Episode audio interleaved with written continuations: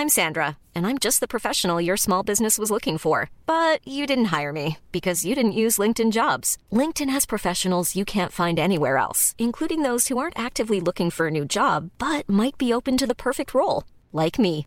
In a given month, over 70% of LinkedIn users don't visit other leading job sites. So if you're not looking on LinkedIn, you'll miss out on great candidates like Sandra. Start hiring professionals like a professional. Post your free job on linkedin.com/people today. Ryan Reynolds here from Mint Mobile. With the price of just about everything going up during inflation, we thought we'd bring our prices down. So to help us, we brought in a reverse auctioneer, which is apparently a thing. Mint Mobile unlimited premium wireless. Ready to get 30, 30, bit to get 30, bit to get 20, 20, 20, bit to get 20, 20, bit to get 15, 15, 15, 15 just 15 bucks a month. So, Give it a try at mintmobile.com slash switch. $45 upfront for three months plus taxes and fees. Promo rate for new customers for limited time. Unlimited more than 40 gigabytes per month. Slows. Full terms at mintmobile.com. لما المواقف بتبقى كتير مع الوقت بتبقى عادية. آخر موقف كان من سنة تقريبا. لما روحت البيت بعدها ما كنتش برتعش كالعادة. كنت هادي. قلت لنفسي أنا روحت سليم. ودي مش أول مرة ومش هتكون آخر مرة تحصل.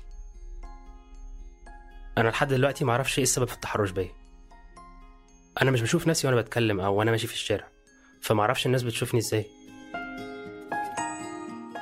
على مدى 11 حلقة بهالموسم الخاص من عيب شاركناكم أنا وكريستينا وفرات وأمل قصص وتجارب من مرحلة عمرية بتخصنا كلنا. مرحلة سن المراهقة والبلوغ. مش بس البلوغ بشكله الجسدي لكن البلوغ كمفهوم بيدل على التحول. حكينا عن البلوغ اللي بيتطلب منا ننسلخ عن شرنقتنا وننطلق للعالم الخارجي. العالم الخارجي المليء بتجارب وتحديات إنجازات وانكسارات وقصص وتجارب بنعيشها بنتعلم منها وأحيانا بنشاركها مع المحيط والآخرين. اليوم بنكون وصلنا معكم لنهاية هالموسم من عيب. وبالحلقة الأخيرة رح نسمع عن التحرش يلي ممكن نتعرض له بسن المراهقة وأبعاده وتأثيره علينا خلال فترة البلوغ.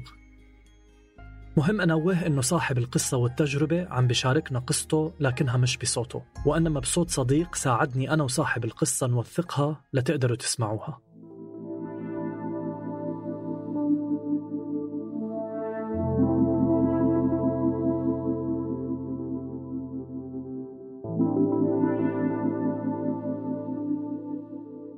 مش فاكر أول حاجة كانت عاملة إزاي هناك لأني كنت صغير جدا. بس المكان اللي كنا عايشين فيه كان موقعه مهم جدا في تكوين شخصيتي. قريب جدا من كورنيش البحر يعني بثلاث دقايق. وقريب من وسط البلد ومن مكتبة اسكندرية ومن الجامعة. موقع بيتي كمان كان مضحك جدا. ورا بيتي حي راقي وقدام بيتي منطقة شعبية. لكن الخط اللي عليه بيتي بالظبط خط العمارات اللي عليه شريط الترند عموما. لا هو شعبي ولا يعتبر برضه حي راقي بالمعنى الحرفي. وده شيء بالنسبة لي كان لطيف لأنه بيخليها منطقة حيوية ومستقلة. في الأحياء الشعبية أو الأحياء المعروفة إنها راقية بيبقى في نوع من الإنعزالية. كل الناس جوا بيبقوا عارفين بعض. ده صعب في مكان زي شارع الترام. دايما بيبقى فيه حركة ودوشة. هحكي لكم قصتي خلال سن المراهقة. السن اللي بدأت أبلغ فيه. مع إنه ما كانش بدأ يظهر شعر في جسمي وصوتي ما بقاش أخشن. لكنه كان عامل زي المرجحة اللي ما بترجعش. عدت من فوق سن الطفولة وفضلت واقفة عند سن المراهقة والبلوغ. بمرحلة الطفولة والمراهقة وخلال سن البلوغ كان أمين مثله مثل كتير أطفال بمجتمعات مختلفة وكتيرة.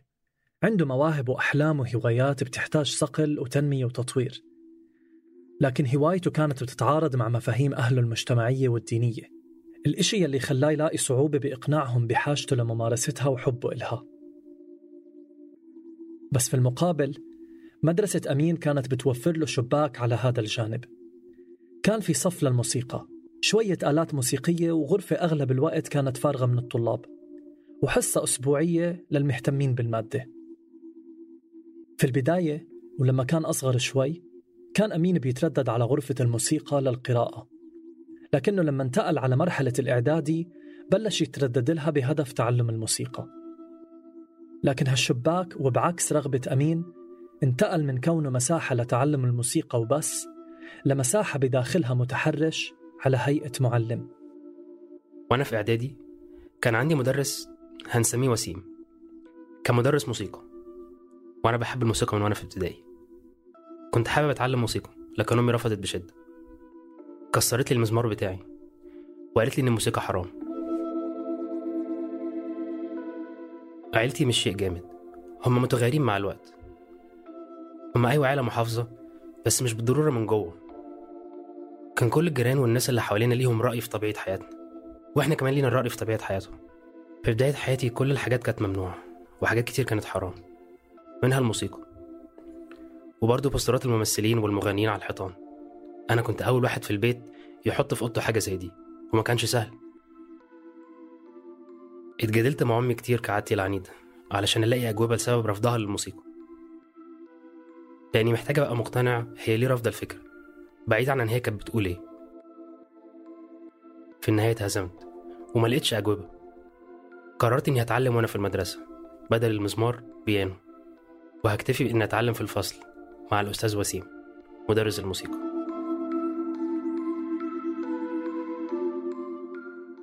بشكل عام أنا كنت محبوب في المدرسة مش من زمايلي في الفصل تحديدا.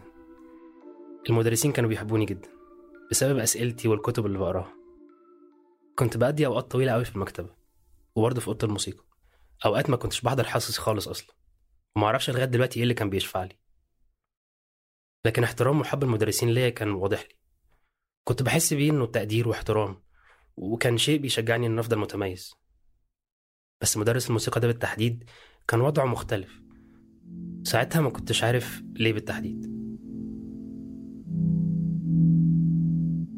عادة لما نحكي عن التحرش بتكون الضحية أنثى والمتحرش ذكر. مزبوط النساء بيتعرضوا للتحرش أكثر من الذكور والإحصائيات بتثبت هالإشي لكن الذكور كمان ممكن يكونوا عرضة لنفس الفعل. قليل ما بينحكى بهالموضوع والمرات القليلة اللي بنحكي فيها بيكون الهدف هو التقليل من شأن تجربة النساء وتجريد ظاهرة التحرش من موازين القوى. فأول ما يصير في خطاب نسوي بيعارض التحرش بيظهر الخطاب المعاكس ليقول على فكرة الرجال كمان بتعرضوا للتحرش مش بس البنات. وكأنه الأطراف متعادلة ومتساوية بهالمسألة. ومن هون بيبدأ التضليل. قررنا نخصص هاي الحلقة للحديث عن التحرش بالرجال مش لحتى نقول إنه تجارب الرجال مطابقة للنساء. بس عشان التحرش بالرجال موجود بيحصل حوالينا وإله خصوصيته.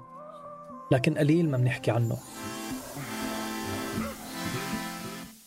خلينا نرجع لأمين يلي عم يحكيه هو إشي بيشبه الشعور يلي كنت أحس فيه شخصيا من المعلمين بمدرستي.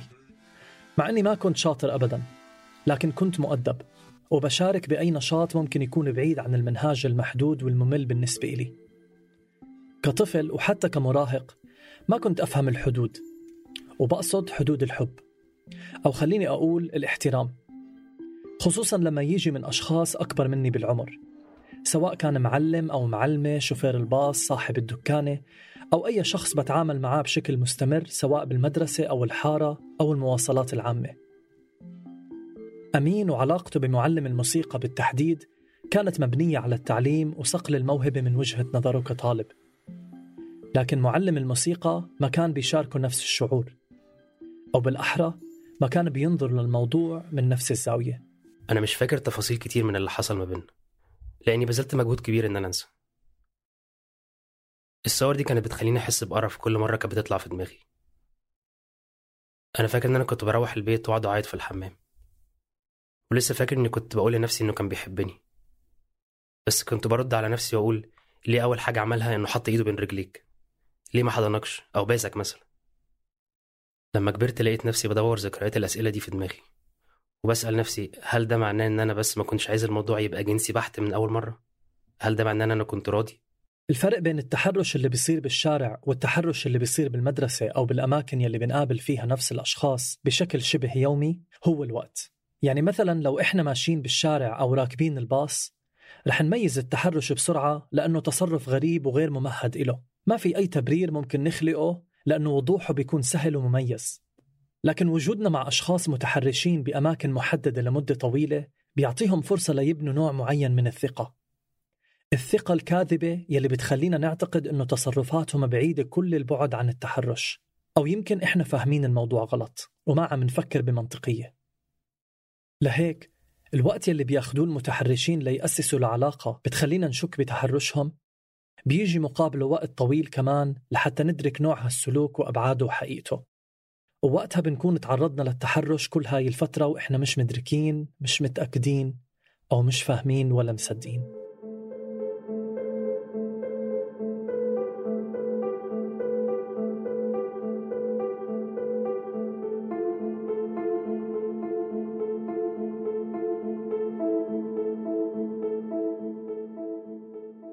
بيقولوا التحرش هو السلوك الجنسي لكن الفرق إنه بدون قبول.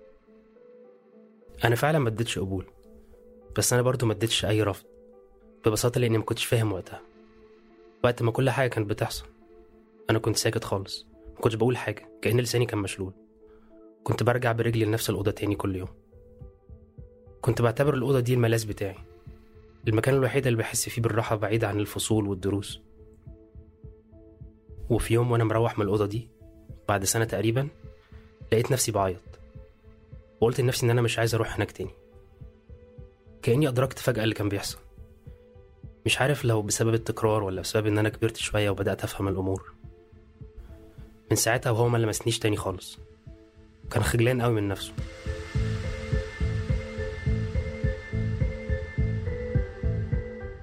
يلي عم يقولوا أمين هو إشي بيمرق فيه كتير من الأشخاص اللي بيتعرضوا للتحرش بعمر المراهقة. الخجل من السؤال ومشاركة الموضوع. التفكير بقديش معيب إننا موجودين بهيك معادلة والتفكير بإنه الحق علينا وإن جزء منها مثل المتهمين. عدم التأكد من حقيقة اللي بيصير وعدم القدرة على التمييز بين إذا كان يلي عم بيصير حقيقي أو وهم داخل عقولنا ومشاعرنا. لكن الواقع بأغلب الأوقات بيكون العكس تماما. ولو كان في حوار وفسحة لمشاركة هاي التجارب مع ناس بنقدر نوثق فيهم كان ما بيمتد الإشي لأبعاد كتيرة وما بيطول بوقف معنا ومع غيرنا. أنا لحد دلوقتي معرفش كل وقت في حياتي كنت برجع أفكر وأقول لنفسي قصة مختلفة. معرفش ليه. أوقات بكره نفسي بس لأني ما قلتش لأ بدري. كان الموضوع وقف بدري. أوقات بكرهه هو لأنه وقف لما أنا قلت لأ. لأن ده كان بيحسسني إن أنا كنت متواطئ معاه. كأن الموضوع ده دايما متوقف على رأيي أنا.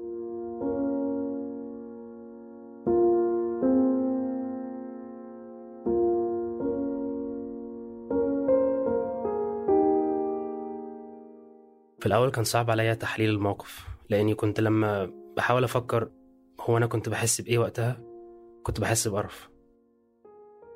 مش قادر أسترجع لو أنا كنت مستمتع ولا مصدوم. ولو استمتاع كان مجرد جسدي أو كيميائي بيتفاعلوا مع المؤثرات والمثيرات الخارجية مش أكتر. هالأسئلة وأسئلة كتير تانية بأصلها معقدة جدا. فما بالنا لما تكون عم بتدور ببال مراهق. موجود ومحبوس داخل عقله. مش قادر يلاقي إجابات منطقية ولا قادر يشارك خوفه وغضبه مع أي حدا. يمكن من زوايا معينة ممكن نلاقي إنه سهل علينا نحدد مين الضحية ومين الجلاد. ونصير نبرر ونلوم الطرف الأضعف ونحطهم تحت المجهر ونحكي إنهم بيستاهلوا اللي صار. لكن داخل عقل المراهق دوامة تانية لسه عم بتحاول تفهم وتبرر ليش وكيف. أنا مش فاهم قوي هو كان بيعمل كده ليه. هو كان متجوز وعنده طفل. وده كان سبب مخليني أفتكر ساعتها إنه ما بيعملش أي حاجة غلط. وإن الإشارات الخضراء دي كانت كافية إنها تخليني أفتكر أي تصرف ممكن يعمله أو أي لمسة منه بتبقى شيء بريء. حتى الأفكار دي ما كانتش بتخطر على بالي وقتها. يعني بعد الخروج من الشيء نفسه. بعد ما بيتم إدراكه يعني بعد بعد الخروج منه تبدأ التحليلات والأفكار تيجي بعد على بال الواحد. وتخليه يحاول يفهم ويحلل مدى براءة أو عدم براءة اللي كان بيحصل. لكن ساعتها كل ده ما كانش في بالي. ودي حاجة الناس كتير مش بتفهمها. لما الموضوع بيطول بيقعد يقولك ما انت كنت عاجبك وفضلت في نفس المكان طول الوقت ده ليه؟ ما بيكونش فيه إدراك أو وعي بالحاجة اللي بتحصل في وقتها. مع شخص بتعتقد إنه موثوق فيه. بتاخد منك وقت طويل عشان تقدر تشوف الغلط أو إن ده تحرش أصلا. بأحيان تانية بيستخدم بعض المحيطين فينا هوياتنا وميولنا الجنسية كسبب تعرضنا للتحرش. يلي فعليا ما بيبرر التحرش بأي شكل من الأشكال في حاجة كانت داخلة في المعادلة بتاعتي إن أنا كنت عارف عن نفسي إن أنا مثلي وقتها أحيانا بقول لنفسي ولحد دلوقتي هل ده كان باب ليه علشان يتخيل إنه ممكن يتحرش بيا؟ هل مثليتي دي كانت بطريقة ما بتقوله تعالى اتحرش بيا؟ الفكرة إن أنا مش ببقى فاهم ميول اللي قدامي مش ببقى فاهم هما ليه بيتحرشوا بأي حال من الأحوال يعني هل التحرش ده مش بالضرورة ليه علاقة بالشهوة أو الرغبة أو الجنسانية أصلا؟ هل التحرش فعل مش نابع من أي شيء غير الفعل في حد ذاته؟ أقصد إنها مش رغبة في الجنس يعني إنما بس رغبة في التحرش في حد ذاته كسلوك سواء بقى تحرش بست بمراهق براجل بطفل حتى. المهم الرغبة في التحرش. ده كان بيخلي الموضوع معقد أكتر بالنسبة لي وزود من بداية صعوبة إن أنا أقدر أفهم إن الفعل ده غلط. أو إن هو متحرش.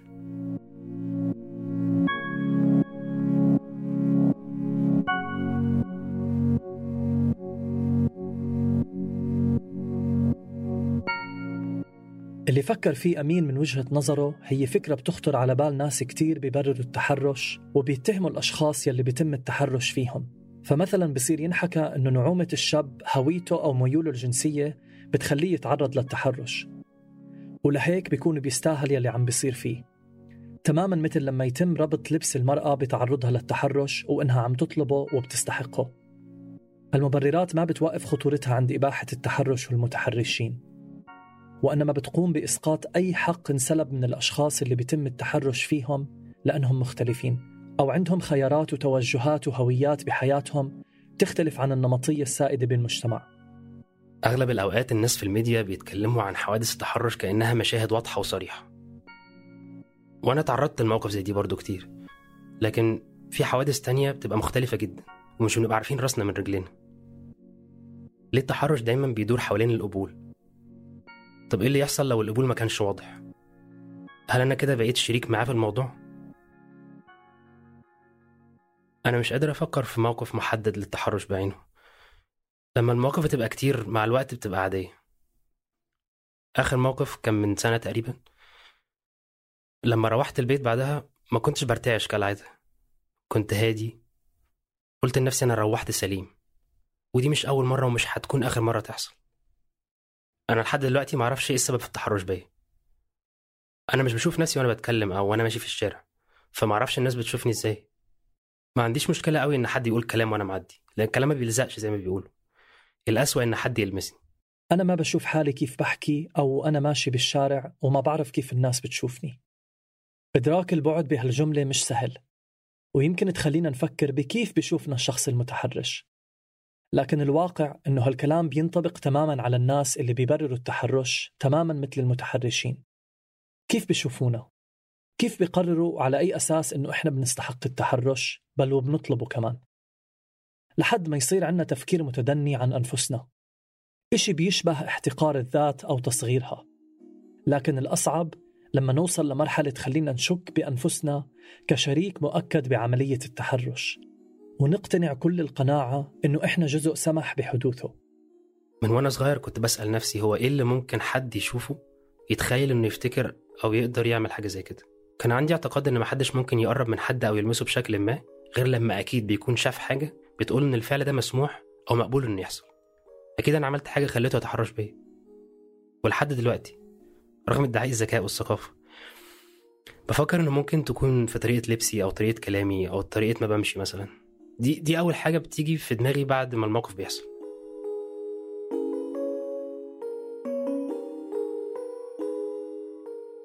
حتى لما دخلت الجامعة وبقيت برضو باخد بالي من لبسي وكلامي وتصرفاتي والحوارات اللي بتاعتي في الجامعة بقيت بقول لنفسي إن أنا بتعرض لمضايقات يمكن علشان منعزل أو علشان دماغي في الكتب طول الوقت أو عشان ما بتكلمش كتير مع حد.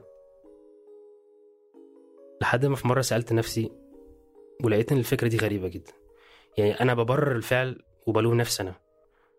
مش عارف مين اللي حطها في دماغنا فكرة إن المتحرشين مضطرين إنهم يأذونا يعني. يعني إيه جملة أكيد شاف حاجة دي؟ ليه ليه أكيد؟ يعني إيه الشرط في كده؟ ليه هو ما يبقاش حيوان وخلاص؟ هل إحنا بقينا بنعبد الذكور والذكوره لدرجة إن عندنا يقين تام مقدس إن مفيش أي راجل ممكن يبقى بيتحرش من غير سبب؟ كأن الذكوره مثلا مرتبطة ارتباط بيولوجي بالأخلاق ويستحيل إن أي راجل ينحرف إلا عشان سبب موجود في الأنثى أو الذكر أو الإنسان المتحرش بيه.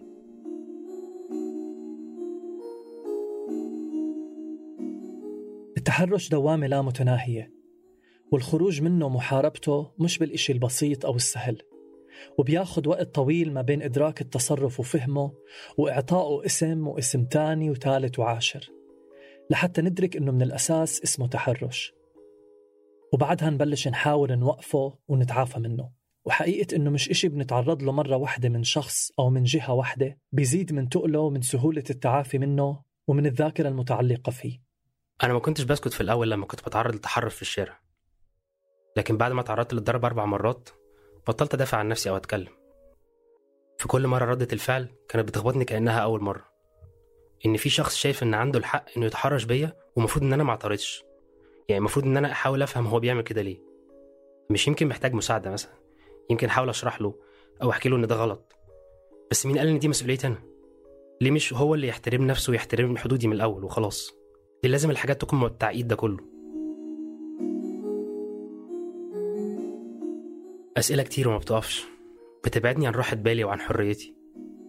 حرية جسمي ولبسي وشكلي هويتي ومشاعري. كتير مرات بنشهد على التحرش بالأماكن العامة مثل الشارع والمواصلات بس أوقات تانية بيكون المتحرشين متغلغلين بدوائرنا الاجتماعية وبيكونوا قراب منا بحكم البيئة أو الظروف. هالقرب بيستغل المتحرش لحتى يتعدى على الآخر وراء أبواب مسكرة. ومن هون ببلشوا المتحرشين يوصفوا أفعالهم بقوالب كتيرة بتوهم اللي حواليهم بإنهم ما عم بيتحرشوا فيهم فبيتوهوهم بالوسيلة ليوصلوا للغاية.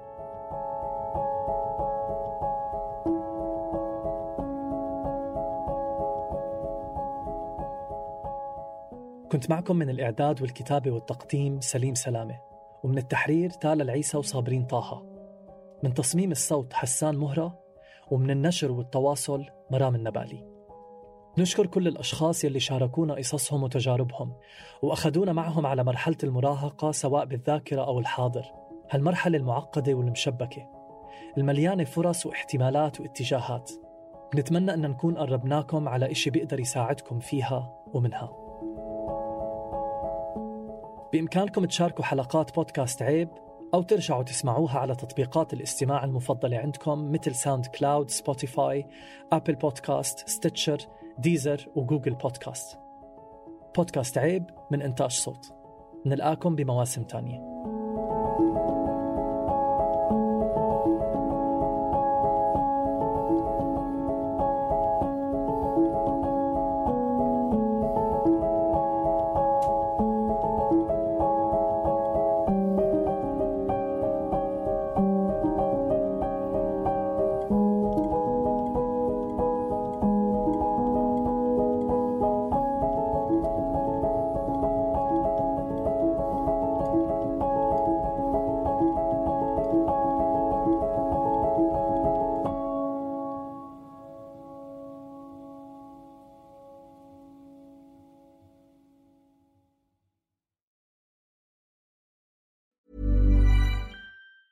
Hey, it's Danny Pellegrino from Everything Iconic.